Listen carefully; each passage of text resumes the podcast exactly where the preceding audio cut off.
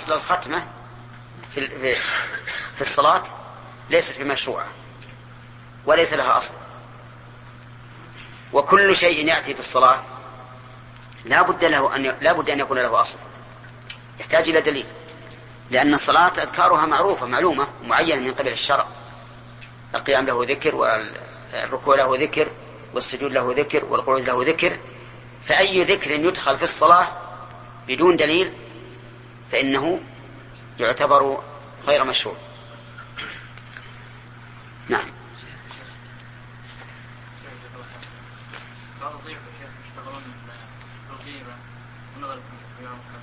والنظر إيش؟ ليش المضيف يحط التلفزيون؟ يحط قدامهم يقول لا تناظرونه سبحان الله.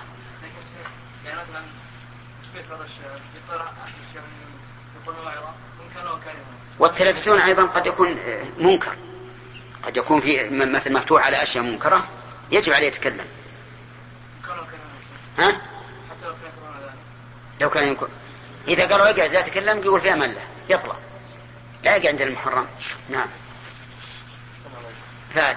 بعض الشباب إذا أراد أن يتزوج يتفق مع المشايخ حتى يتكلم في الزواج نعم. أنا رأيي لا. رأيي أن لا يفعل. إن كان هناك مناسبة رأى منكرا تكلم.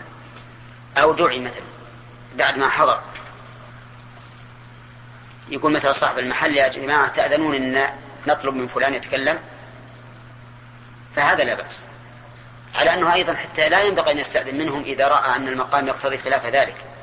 لأنه في مك... كما قلت لكم قبل قليل فيه ناس ما يتشوفون ما, ما يرى بعضهم بعضا إلا في هذه المناسبة. في بيسألوا عن أولاده وعن أهله وعن حاله. نعم. ومثل هذا قد يقطع عليهم حديثهم أو يوجب أنهم يحرجون المتكلم يتكلمون ويتكلم ويصل في هذا إغاظة له وإهانة. نعم. نعم. أي؟ من كلام ابن عباس. إلا قوله فإني عهدت رسول الله صلى الله عليه وسلم وأصحابه لا يفعلون إلا ذلك. نعم. السجع انه أنه يجيب كلام مسجوع تطابق آخر كل فقرة مع الأخرى. كأنه نظم. إيش عندك؟ تفسير لا يفعلون إلا ذلك؟ قوله لا يفعلون إلا ذلك أي أي ترك السجد. ووقع عند الإسماعيلي عن القاسم بن زكريا عن يحيى بن محمد شيخ البخاري بسنده فيه. لا يفعلون ذلك بإسقاط إلا وهو واضح. وكذا أخرجه البزار في مسنده عن يحيى عن يحيى والطبراني عن البزار. ولا يدل على ذلك ما وقع في الأحاديث الصحيحة لأن ذلك كان يصدر من غير قصد إليه. ولأجل هذا يجيء في غاية الانسجام كقوله صلى الله عليه وسلم في الجهاد اللهم منزل الكتاب سريع الحساب هازم الأحزاب. وكقوله صلى الله عليه وسلم صدق وعده وأعز جنده. الحديث. وكقوله أعوذ بك من عين لا تدمع ونفس لا تشبع وقلب لا يخشع وكلها صحيحة. قال الغزالي المكروه من السجع هو المتكلم لأنه لا يلائم الضراعة والذلة وإلا ففي الأدعية المأثورة وإلا ففي الأدعية المذكورة كلمات متوازية لكنها غير متكلفة. قال قال الأزهري وإنما كرهه صلى الله عليه وسلم لمشاكلته كلام الكهنة كما في قصة المرأة من هذيل. وقال أبو زيد وغيره أصل السجع القصد المستوي سواء كان في الكلام أم غير أم غيره. باب يعني المسألة فإنه لا مكره له.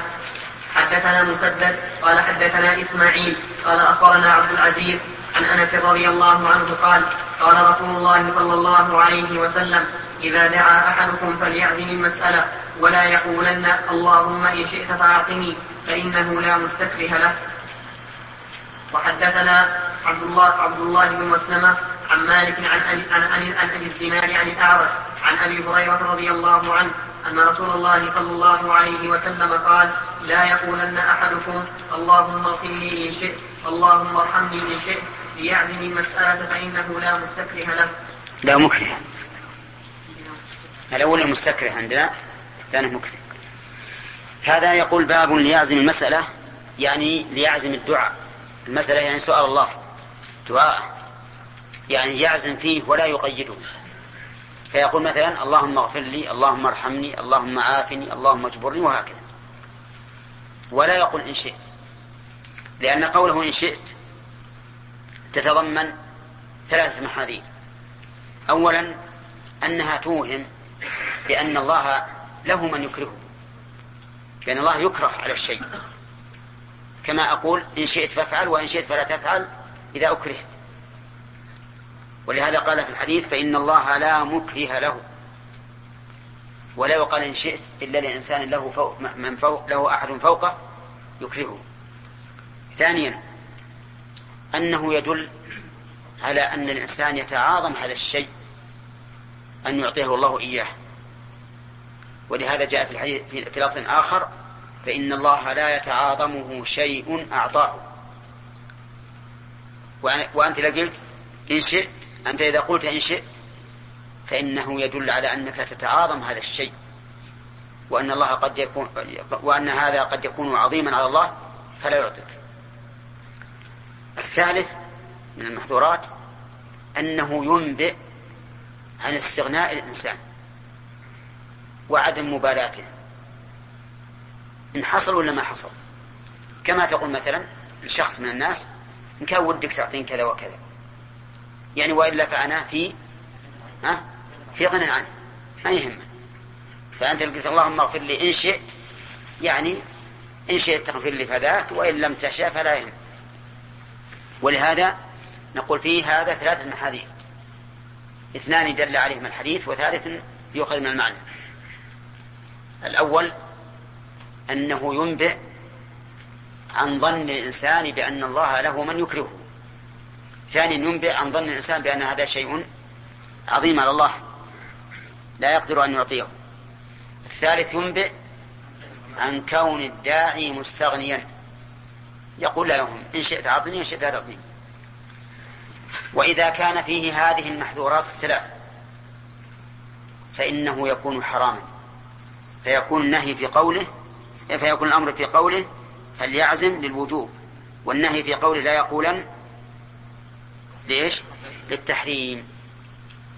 فإن قلت إنه جاء في رقية المريض أن الرسول صلى الله عليه وسلم كان يقول للمريض لا بأس طهور إن شاء الله. فهل يعارض هذا الحديث؟ فالجواب لا لا يعارضه. وذلك بأن يحمل على أحد وجهين. إما أن يقال إن المراد بقول لا بأس طهور إن شاء الله أن يراد به الخبر. يعني أقول طهور إن شاء الله ومعلوم أن الإنسان لا يجوز أن يجزم بشيء من فعل غيره إلا مقيد بالمشيئة. هذه واحدة. ثانيا أو نقول إن المراد بقوله إن شاء الله تبرك وليس المراد التعليق ثالثا أن نقول أيضا صورة قول, قول القائل إن شاء الله ليست كصورة قوله إن شئت لأن قوله إن شئت صريح في المخاطبة ففيه نوع من سوء الأدب بخلاف إن شاء الله فإنه ليس كذلك. فيكون الجواب من ثلاثة أوجه. بينها يا صامت. ها. أين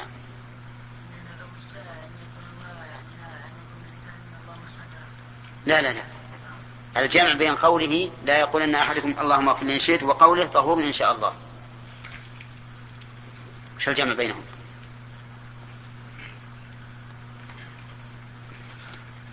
وانت هذا هداية الله. تمام. وأما اللهم اغفر إن شئت فهذا انشاء تمام. هذا واحد. الثاني. هذا هو. الثاني. الوجه الثاني. خالد. نعم. أن يكون مراد بالتعليق إن شاء الله تبرك. نعم. أي نعم. فهي الغائب فيكون إن شئت أقبح وأسأل وفي سؤال. نعم. لو قال إن شاء الله لا يكون للتحريم يكون للكراهه فقط. أي؟ الإنسان دعا وقال إن شاء الله على سبيل التبرك أو على سبيل يعني ليست مثل إن شئت. نحن الآن نتكلم على كلام وقع من الرسول صلى الله عليه وسلم. أما ما, ما وقع من غيره فنقول لا تفعل. لا تفعل. حتى لو قال أردت التبرك نقول اسم أنت أردت التبرك لكن غيرك ما يريد التبرك. قد يريد التعليق أما إن شئت فحرام. اللهم إن شئت هذا حرام. نعم. نعم. أي نعم. لأن شيخ الإسلام رحمه الله قال ذلك بناء على قوله تعالى ولا ينصرن الله من ينصره. وهذا وعد من الله. طيب. شيخ ما كانت نية كلمة طهور إن شاء الله. نعم. تعتمد على النية. يعني لو كان ينوي طهور الدعاء نعم. ما يذكر إن شاء الله. إيه هذا اللي هذا أحد الوجوه الثلاثة. طهور ويس- هذا أحد الوجوه الثلاثة. يمكن هذا إنشاء وهذا خبر. باب يستجاب للعبد ما لم يعجل حدثنا عبد الله حدثنا عبد الله بن يوسف. قال أخبرنا مالك عن ابن شهاب. عن أبي عبيد مولى مولى بن ازهر عن أبي هريرة أن رسول الله صلى الله عليه وسلم قال يستجاب لأحدكم ما لم يعجل يقول دعوت فلم فلم يستجب لي. نعم. قوله عليه الصلاة والسلام يستجاب لأحدكم. هل المراد أنه يعطى ما سأل؟ أو أن المراد يعطى أحد ثلاثة أشياء؟ لأن الداعي إذا دعا بإخلاص وعلى حسب الشروط الأربعة السابقة حصل له واحد من أمور ثلاثة. إما أن يعطى ما سأل بعينه وإما أن يصرف عنه من السوء ما هو أعظم وإما أن تدخر له عند الله يوم القيامة. ولا بد. فإذا عجل فإنه لا يستجاب له. يعني يقول دعوت فلم يستجب لي. فإذا قال دعوت فلم يستجب لي فإنه سوف يستحسر ويدع الدعاء. وحينئذ لا يحصل له مطلوب. وهذا يقع كثيرا من بعض الناس. يقول أنا مثل في كذا وكذا فتقول له ادعو الله. ويقول الله يخدعك. دعوت. ادعو الله. قال دعوت. كثيرا. هذا غلط. لا. هذا حرمان من الإجابة. فنقول ادعو الله وادعو الله ربما يكون عدم سرعة الإجابة من نعمة الله عليك من أجل أن تكثر من الدعاء.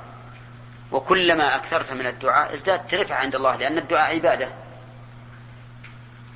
وفي النهاية سوف يستجيب الله لك.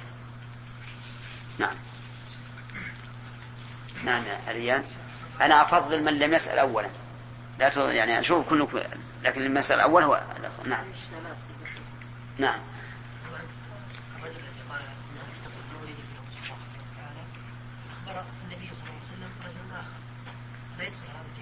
كيف؟ لا يدخل هذا في لما اخبر النبي صلى الله عليه وسلم الذي قاله الرجل إي نعم.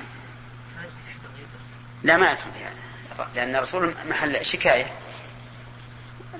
نعم يطلب من اخر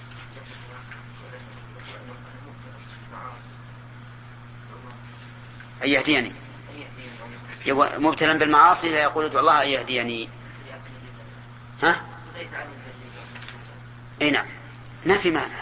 ما في إن شاء الله. لكن كما أسلفنا سابقا أن الشيخ الإسلام يقول إن الإنسان الذي يطلب من غيره أن يدعو له لمجرد نفع نفس الطالب فهو من المسائل المكروهة. نعم. حجاج؟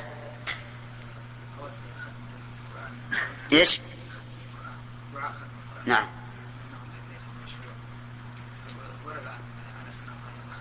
في غير الصلاة. إحنا قلنا في الصلاة ولهذا قررنا قلنا الصلاة لها أذكار مع- معروفة. القيام له ذكر وال... ثم رفع يديه ورأيت بياض إبطيه صلى الله عليه وسلم. وقال ابن عمر رفع النبي صلى الله عليه وسلم يديه وقال اللهم إني أبرأ إليك مما صنع خالد قال أبو عبد الله وقال الأويسي قال حدثنا محمد بن جعفر عن يحيى عن يحيى عن سعيد وشريح سمع انسا عن النبي صلى الله عليه وسلم رفع يديه حتى رأيت بياض ابطيه قوله رحمه الله باب رفع الأيدي في الدعاء. يعني هل هو مشروع أو غير مشروع؟ فنقول الأصل في رفع الأيدي في الدعاء أنه مشروع. هذا الأصل. ونقف على هذا إن شاء الله. والسلام على نبينا محمد وعلى آله وصحبه أجمعين. قال البخاري رحمه الله تعالى باب رفع الأيدي في الدعاء وقال أبو موسى الأشعري دعا النبي صلى الله عليه وسلم ثم رفع يديه. ورأيت بياض إبطيه صلى الله عليه وسلم. وقال ابن عمر رفع النبي صلى الله عليه وسلم يديه وقال اللهم إني أبرأ إليك مما صنع خالد قال أبو عبد الله وقال الأويسي حدثني محمد بن جعفر عن يحيى بن سعيد وشريك سمع أنسا عن النبي صلى الله عليه وسلم رفع يديه حتى رأيت بياض إبطيه بسم الله الرحمن الرحيم. قال المؤلف باب رفع الأيدي في الدعاء. ولم يجزم بحكم رحمه الله وذلك لأن الحكم فيها مختلف. فأولا نقول الأصل أن رفع اليدين في الدعاء من آداب الدعاء ومن أسباب الإجابة. ودليل ذلك قول النبي صلى الله عليه وسلم إن الله حي كريم يستحيي من عبده إذا رفع إليه يديه أن يردهما صفرا. ثانيا أن النبي صلى الله عليه وسلم ذكر الرجل يطيل السفر أشعث أغبر يمد يديه إلى السماء يقول يا رب يا رب. ثالثا أن هذه الهيئة تدل على قوة التضرع إلى الله عز وجل وأن الداعي يمد يديه إليه مد المتضرع المستكين الذي يرجو من ربه عز وجل أن يملأ هذه الأيدي بالخير والقبول. فهذا هذه أدلة ثلاثة. دليلان أثريان ودليل نظري على أن الأصل في رفع اليدين في الدعاء هو نعم المشروع. لكن أحيانا يكون الأصل أو يكون المشروع خلاف ذلك أي عدم رفع الأيدي في الدعاء. وبالتتبع لهذه المسألة وجدنا أن المسألة على أربع حالات لها أربع حالات. الحالة الأولى ما ثبت فيه الرفع عن النبي صلى الله عليه وسلم وهذا يكون مشروعا من وجهين. الوجه الأول أن الأصل في الدعاء المشروع مشروعية رفع اليدين والوجه الثاني المشروعية الخاصة بهذا بهذا الدعاء. كرفع يد كرفع النبي صلى الله عليه وسلم يديه في الاستسقاء والاستصحاء في خطبة الجمعة. فقد ثبت أنه صلى الله عليه وسلم رفع يديه وقال اللهم أغثنا. ورفع يديه وقال اللهم حوالينا. وكرفع النبي صلى الله عليه وسلم يديه على الصفا وعلى المروة. وكرفع النبي صلى الله عليه وسلم يديه في, في موقف عرفة. وفي موقف مزدلفة. وفي مواقف الجمرات. وهذا كثير. وذكر المؤلف منها شيئا. إذن هذه الحالة الأولى ما ثبت فيها الرفع فيكون الرفع فيها مشروعا من وجهين. الوجه الأول العموم والوجه الثاني الخصوص. الثاني ما ثبت فيه عدم الرفع. ما ثبت فيه عدم الرفع. وذلك في الدعاء يوم يوم الجمعة في خطبة في الخطبة في غير الاستسقاء والاستصحاء. ودليل ذلك أن الصحابة رضي الله عنهم أنكروا على بشر بن مروان لما رفع يديه في الدعاء في الخطبة يوم الجمعة وقالوا إن الرسول صلى الله عليه وسلم لم يزد على الإشارة يشير بأصبعه هكذا ولكنه لا يرفع يديه في الدعاء. فهنا نقول رفع الأيدي في الدعاء غير مشروع بل منهي عنه. لأن الصحابة أنكروا على بشر بن مروان رفع يديه في حال الدعاء في خطبة الجمعة.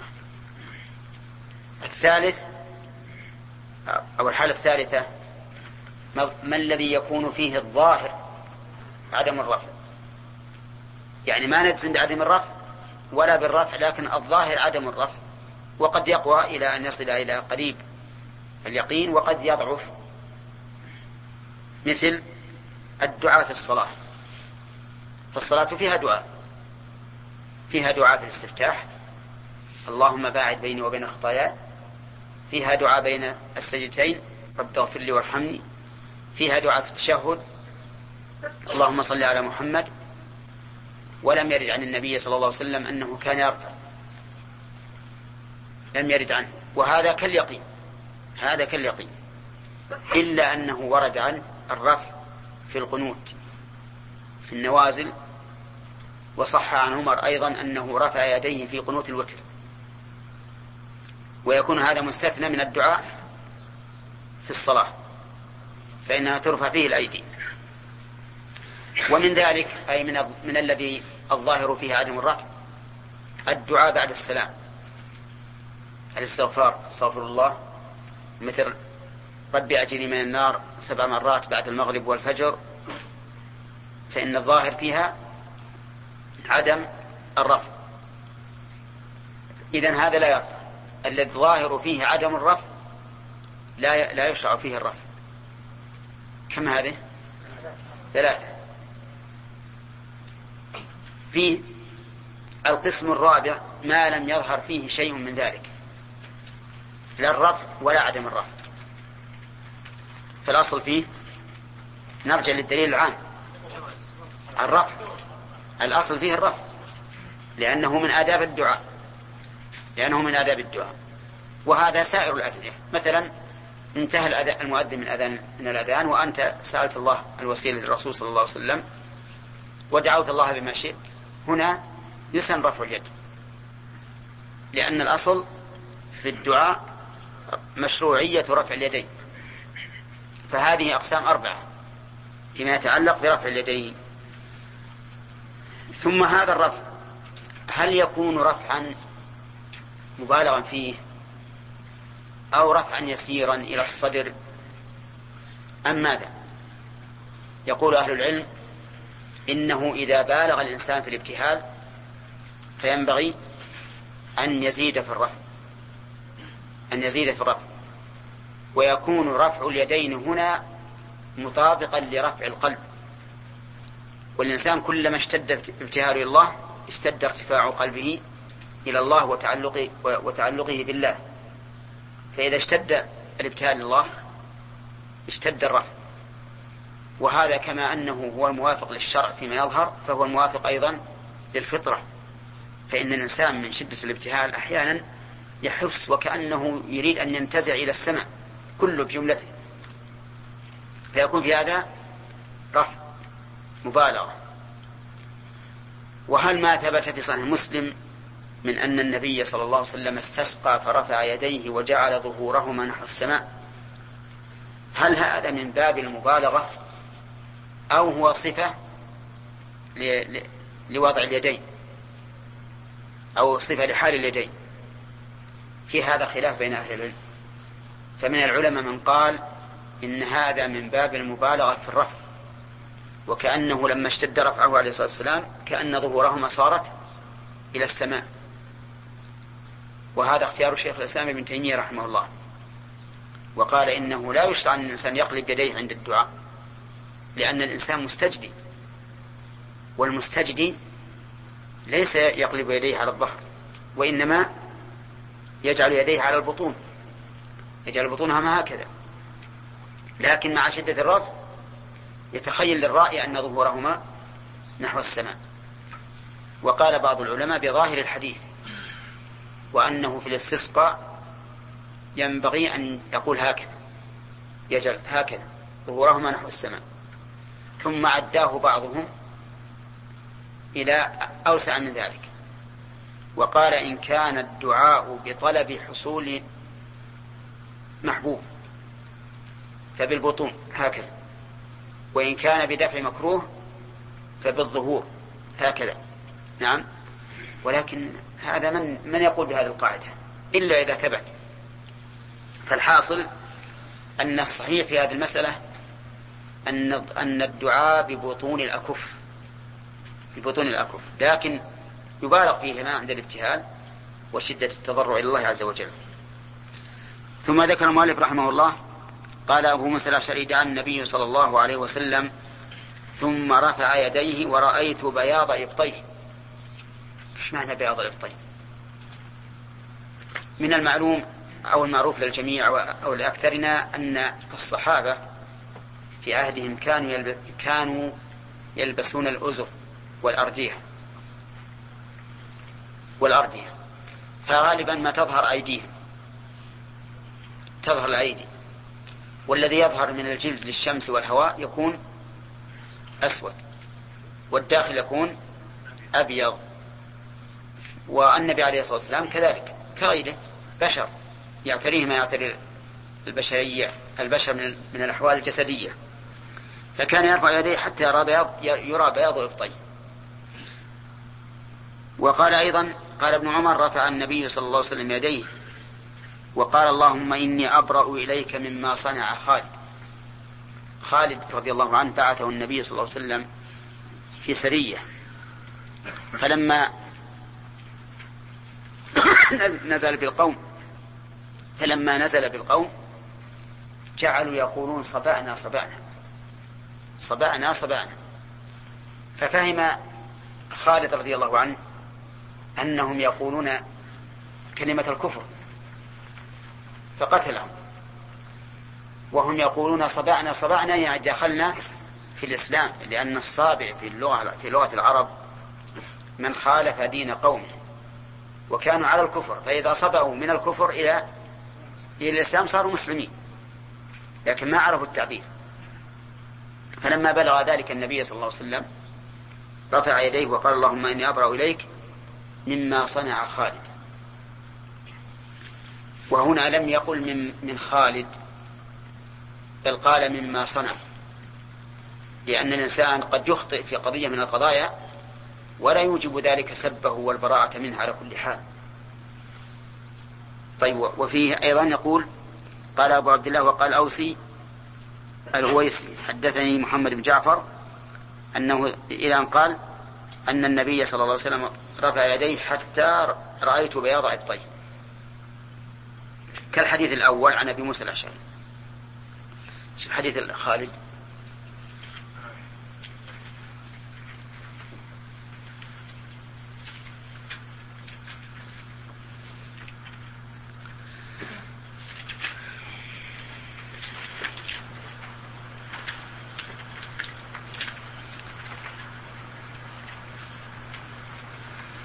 قارئكم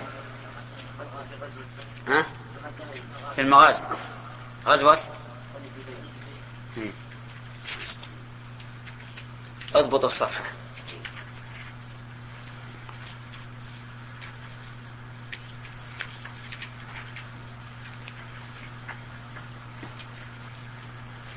ترى المغازي كتاب اللي فيها أول المغازي غزوة الفتح. غزوة الفتح. ها؟ السادس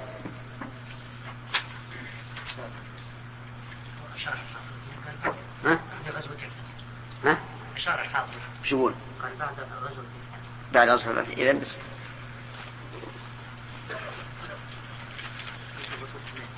ها؟ ها؟ كيف؟ بعد غزوة حنين يقول؟ نعم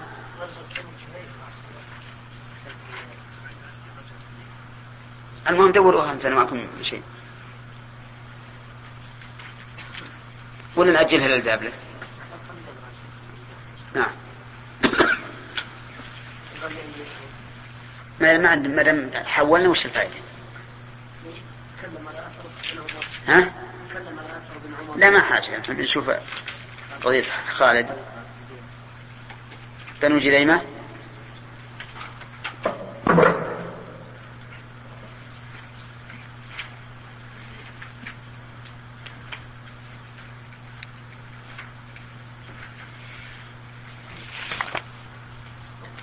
قال باب بعث النبي صلى الله عليه وسلم خالد بن الوليد إلى بني جذيمه حدثني محمود قال حدثنا عبد الرزاق قال أخبرنا معمر حاء وحدثني نعيم قال أخبرنا عبد الله قال أخبرنا معمر عن الزهري عن سالم عن أبيه قال بعث النبي صلى الله عليه وسلم خالد بن الوليد إلى بني جذيمه فدعاهم إلى الإسلام فلم يحسنوا أن يقولوا أسلمنا فجعلوا يقولون صبأنا صبأنا فجعل خالد يقتل منهم ويأسف ودفع إلى كل رجل منا أسيرا حتى إذا كان يوم أمر خالد أن يقتل كل أن يقتل كل رجل من أن يقتل يقتل.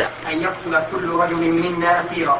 فقلت والله لا أقتل أسيري ولا يقتل ولا يقتل رجل من أصحابي أسيرا. حتى قدمنا عن النبي صلى الله عليه وسلم فذكرناه. فرفع النبي صلى الله عليه وسلم يديه فقال اللهم إني أبرأ إليك مما صنع خالد مرتين. قوله. فكان النبي صلى الله عليه وسلم خالد بن الوليد إلى بني جذيمة بفتح العين واسم وجمع ثم تحتانية ساكنة أي ابن عامر بن عبد مناف بن كنانة. ووهم الكرماني فظن أنه من بني جذيمة بن عوف بن بكر بن عوف قبيلة من عبد قيس. وهذا البعث كان عقب فتح مكة في شوال في شوال الخروج إلى حنين عند جميع أهل المغازي وكانوا بأسفل مكة من ناحية يلملم قال ابن سعد بعث النبي صلى الله عليه وسلم إليهم خالد بن الوليد في 350 من المهاجرين والأنصار داعيا إلى الإسلام لا مقاتلا قوله حدثنا محمود بن غيلان وقوله حدثني نعيم بن حماد. وعبد الله بن المبارك وعند الإسماعيلي ما يدل على أن السياق الذي هنا لفظ ابن المبارك لفظ ابن المبارك قوله بعد النبي صلى الله عليه وسلم قال ابن إسحاق حدثني حكيم بن عباد عن أبي جعفر يعني الباقر قال بعد رسول الله صلى الله عليه وسلم خالد بن الوليد حين افتتح مكة إلى بني جذيمة داعيا ولم يبعثه مقاتلا. قوله بل يحسن أن يقولوا أسلمنا.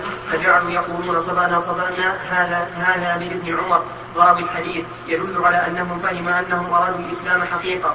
ويؤيد فهمه أن قريشا كانوا يقولون لكل من أسلم صبا حتى اشتهرت هذه اللفظة وصاروا يطلقونها في مقام الذنب. ومن ثم لما أسلم ثمامة بن أثاد. وقدم ومن ثم لما أسلم ثمامة بن أثاد مثال مثال ضم. ومن ثم لما أسلم ثمامة بن مثال وقدم مكة معتمرا قالوا له صباح. قال لا بل أسلمت. فلما اشتهرت هذه اللقطة بينهم في موضع أسلم استعملها هؤلاء. وأما خالد فحمل هذه اللفظة على ظاهرها لأن قوله صبانا أي خرجنا من دين من دين إلى دين ولم يكتف خالد بذلك حتى يصرح بالإسلام. وقال الخطابي يحتمل أن يكون خالد نقم عليهم العدول عن لفظ الإسلام لأنه فهم عنهم أن ذلك وقع منهم على سبيل أن على سبيل الأنفة ولم ينقادوا إلى الدين فقتلهم فقتلهم متأولا قوله. قوله فجعل خالد خالد يقتل يقتل منهم ويأسر في كلام ابن سعد أنه أمرهم أن يستأسروا فاستأسروا. فكتف بعضهم بعضا وفرقهم في أصحابه. فيجمع بأنهم أعطوا بايديهم أعطوا بأيديهم بعد المحاربة. قوله ودفع إلى كل رجل منا أسيرا أي من أصحابه الذين كانوا كانوا معه في السرية. وفي رواية الباقر فقال له خالد ضعوا السلاح. فإن فإن الناس قد أسلموا فوضعوا السلاح فأمر بهم فكتبوا ثم عرضهم على السيف. قوله حتى إذا كان يوم كذا بالتنوين أي من الأيام وكانت تامة وعند ابن سعد وعند أبي سعد فلما كان السحر نادى خالد نادى خالد ومن كان معه من كان معه أسير فليضرب عنقه. قوله أن يقتل أن يقتل كل رجل منا أسيرا. وفي في رواية الكشميهني كل إنسان. قوله فقلت والله لا أقتل أسيري ولا يقتل رجل من أصحابي أسيرا. وعند ابن سعد فأما بنو سليم فقتلوا من كان في أيديهم وأما المهاجرون والأنصار. فأرسلوا أسرارهم وفيه جواز عطف الحلف وفيه جواز الحلف على نفي فعل الغير. إذا إذا وفق بطواعيته قوله اللهم إني أبر إليك مما صنع خالد. قال الخطابي أنكر عليه العجلة وترك التثبت في أمرهم قبل أن يعلم المراد من قولهم صلاتنا قوله مرتين زاد ابن عسكر عن عبد الرزاق. كيف؟ زاد. ابن عسكر. زاد ابن عسكر عن عبد الرزاق أو ثلاثة. أخرجه الإسماعيلي وفي رواية الباقي ثلاث مرات وزاد الباقي في روايته ثم دعا رسول الله صلى الله عليه وسلم عليا فقال أخرج إلى هؤلاء القوم واجعل أمر الجاهلية تحت قدميه فخرج حتى جاءهم ومعه مال فلم يبق لهم أحد إلا إلا وجاه. وذكر ابن هشام في زياداته أنه انفلت منه رجل فأتى النبي صلى الله عليه وسلم بالخبر. فقال هل أنكر عليه أحد؟ فوصف له صفة فوصف له صفة ابن عمر وسالم مولى مولى أبي حذيفة وذكر ابن إسحاق من حديث ابن أبي حجرة الأسلمي قال كنت في خير خالد فقال لي فتى من بني هذيمة قد, جمع قد جمعت يداه في عنقه برمة يا فتى هل أنت آخذ بهذه الرمة؟ فقائدي إلى هؤلاء النسوة فقلت نعم. فتارك هل أنت؟ يا فتى هل أنت آخذ بهذه الرمة فقائدي إلى هؤلاء النسوة؟ فقلت نعم. فقلته بها فقال أسلمي حبيش قبل نفاذ العيش. أسلمي حبيش نعم. امشي أرأيت أرأيت فإن طالبتكم فوجدتكم بحية أو أدركتكم بالخوانق الأبيات. قال فقالت امرأة منهن وأنت نجيت عشرا وتسعا ووترا وثمانيا تترى قال ثم ضربت عنق الفتى فأكبت عليه فما زالت تقبله حتى ماتت.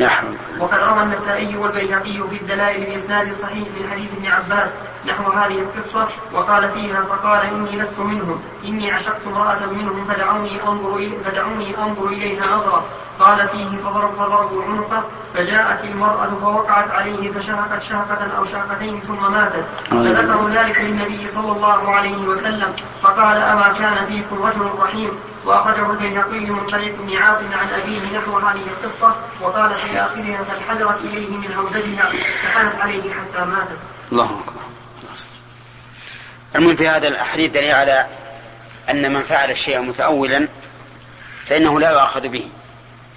ولكن الرسول صلى الله عليه وسلم وداهم من عنده لأنهم قتلوا بغير حق.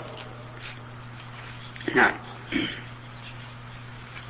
بالنسبة لرفع اليدين مثلا بعد الجنازة دفن هل نقول هذا الأصل في رفع اليدين في الدعاء؟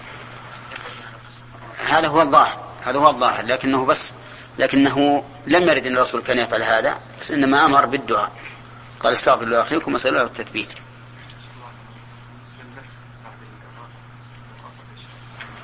نعم. لا له أحاديث ضعيفة في أحاديث ضعيفة مسح الوجه باليدين بعد الدعاء في أحاديث ضعيفة. قال الشيخ الإسلام إنها لا تقوم به حجة وقال ابن حجر في البلوغ إن مجموعها يقضي بأنه حديث حسن. نعم. لا ما لها أصل. تقبيل اليدين بعد الدعاء ما له أصل إطلاقا. نعم. كذلك أيضا مسح العينين من باب أولى. باب الدعاء غير مستقبل غير مستقبل القبلة. غير مستقبل. لا بكسر اللام واضح. مضاف إليه. غير مستقبل القبلة. مضاف إليه. حدثنا محمد بن مكتوب قال حدثنا أبو عوانة عن قتادة عن أنس رضي الله عنه قال بين النبي صلى الله عليه وسلم يخطب يوم الجمعة فقام رجل فقال يا رسول الله ادعو الله أن يسقينا. فتغيمت السماء ومطرنا حتى ما كاد الرجل يصل إلى منزله فلم تزل تمطر إلى الجمعة المقبلة فقام ذلك الرجل أو غيره. فقال ادعوا الله أن فقال ادعوا الله أن يصرفه عنا فقد غرقنا. فقال اللهم حوالينا ولا علينا. فجعل السحاب يتقطع حول المدينة ولا يمطر أهل المدينة. الله هذا دعاء غير مستقبل القبلة لأن الخطيب يوم الجمعة يكون مستدبر القبلة نعم. باب الدعاء مستقبل القبلة مس- مستقبلة هذه اللي مستقبلة هذه عندكم مستقبلي؟ لا بالنصب إيه صح. نعم. في أقسام الدعاء ما ظاهرها عدم الرفع نعم. الدعاء في الصلاة نعم. الدعاء في الصلاة ثابت. الرسول صلى الله عليه وسلم كان يدعو الصحابة ينظرون إلى الصلاة. فهل هناك شيء يدل على أن الظاهر عدم الرفع ولا لا؟ قيل لأن لأنه يضع يديه على في الجلوس يضع يديه على فخذيه ما يعرف. أي هذا الظاهر. لكن لكن ذكرنا لكم أن الظاهر قد يصل إلى إلى قريب اليقين. مثل هذا من الظاهر اللي قريب اليقين. لأنه ما نهوى. ما جاء فيه النهي. ما جاء فيه النهي والإنكار عن الصحابة. نعم. إنما هذا قريب اليقين. يعني كل الذين وصفوا صلاة الرسول يقول إن يده على هذا نعم نعم الأيدي أفضل بالدعاء أيهن الأيدي بعض الناس يباعد المستقبل بين يديه بعضهم لا يجب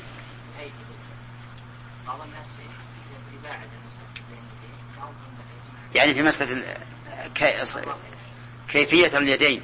إلى أين يكون رافع عرفتم الآن إلى أين يكون رافع في الابتهال يكون يرفع قدر ما يستطيع. حتى يبدو بياضه الطفل في غير الابتهال عادي. قال العلماء تكون إلى حذو صدره. وتكون مجموعة هكذا. مضمون بعض- بعضها على بعض. أما بعض الناس يقول كذا لا. نعم. صحيح. صحيح أنا شوف بعض الناس يقول هكذا. هنا نعم.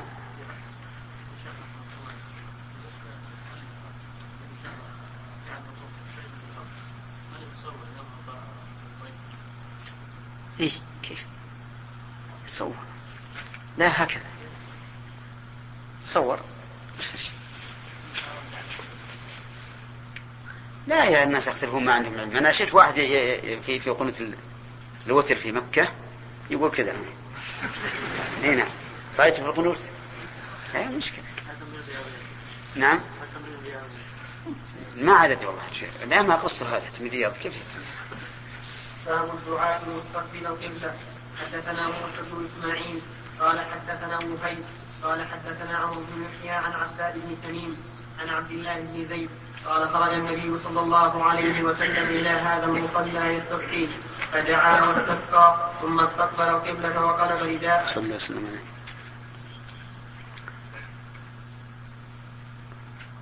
واضح ما باب دعوة النبي صلى الله عليه وسلم لخادمه بطول بطول العمر وبكثرة ماله. حدثنا عبد الله بن أبي الأسود قال حدثنا حرمي قال حدثنا شعبة عن قتادة عن انس رضي الله عنه قال قالت أمي يا رسول الله خادمك انس ادعو الله له. قال اللهم أكثر ماله وولده وبارك له فيما أعطيته. باب الدعاء عند الكرب حدثنا مسلم بن إبراهيم.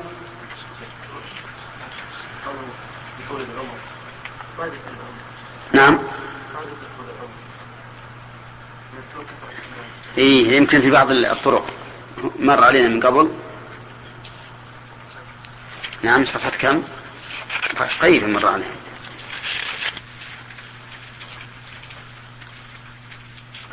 هو مر علينا قريبا. نعم. تكلم عن الشارع شو يقول؟ نعم. إي نعم. وعندي أن الدعاء. قال في مطابقة حديث أن الدعاء. يستلزم الحصول طول العمر وتعقد بأنه لا ملازمة بينهما إلا بنوع من المجاز لا يراد أن كثرة الولد في العادة تستدعي بقاء ذكر الولد ما بقي أولاده فكأنه حي. والأو- والأولى بالجواب أنه أشار كعادته إلى ما ورد في باب طرقه. فأخرج في أدب المفرد من وجه آخر عن أنس عن أنس قال أم سليم وهي أم ولد خويد ألا تدعو له فقال اللهم أكثر ماله وولده وأرض حياته وسنه. فأما كثرة ولد أنس إيه اقرأ. أعطنا خالد. فأما كثرة ولد أنس وماله فوقع عند مسلم في آخر هذا الحديث من طريق إسحاق بن عبد الله بن أبي طلحة عن أنس. قال أنس فوالله إن مالي لكثير وإن ولدي و... وإن ولدي وولد ولدي ليتعاد ليتعاد ليتعادون على نحو المئة اليوم. وتقدم في حديث كيف؟ إيه، اقرأ اقرأ العبارة وإن ولدي وولد ولدي ليتعادون على نحو المئة اليوم نعم. وتقدم في حديث الطاعون شاذ لكل مسلم في كتاب الطب قول أنس أخبرتني ابنتي أمي أمينة. أنه دفن من صلبي إلى يوم مقدم الحجاج البصرة مئة مئة وعشرون. قال وقال النووي في ترجمته كان أكثر كان أكثر كان أكثر الصحابة أولادا. أكثر. كان أكثر الصحابة أولادا. وقد قال ابن قتيبة في المعارف كان بالبصرة كان بالبصرة ثلاثة ما ماتوا حتى رأى كل واحد منهم من ولده مئة من مئة حتى رأى كل واحد منهم من ولده مئة ذكر لصلبه.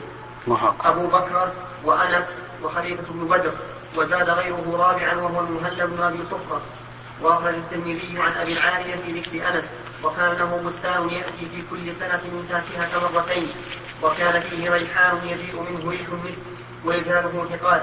أما طول أما طول عمر. معنى هذا الحديث؟ نعم. حدثنا أبو نعيم قال حدثنا سفيان عن عبد الملك بن عمير عن ربعي بن حراش عن حذيفة قال كان النبي صلى الله عليه وسلم إذا أراد أن ينام قال باسمك اللهم أموت وأحيا. وإذا استيقظ من منامه قال الحمد لله الذي أحيانا بعدما أماتنا وإليه النشور. لا إله إلا الله. حدثنا عبدان عن أبي حمزة عن منصور عن ربعي بن فراش عن خرجة بن الحر بن الحر. عن أبي ذر رضي الله عنه قال كان النبي صلى الله عليه وسلم إذا أخذ مضجعه من الليل قال اللهم باسمك أموت وأحيا فإذا استيقظ قال الحمد لله الذي أحيانا بعدما أماتنا وإليه النشور. وهذان سبقا أيضا. نعم. باب الدعاء في الصلاة. حدثنا عبد الله بن يوسف قال أخبرنا الليث قال حدثني.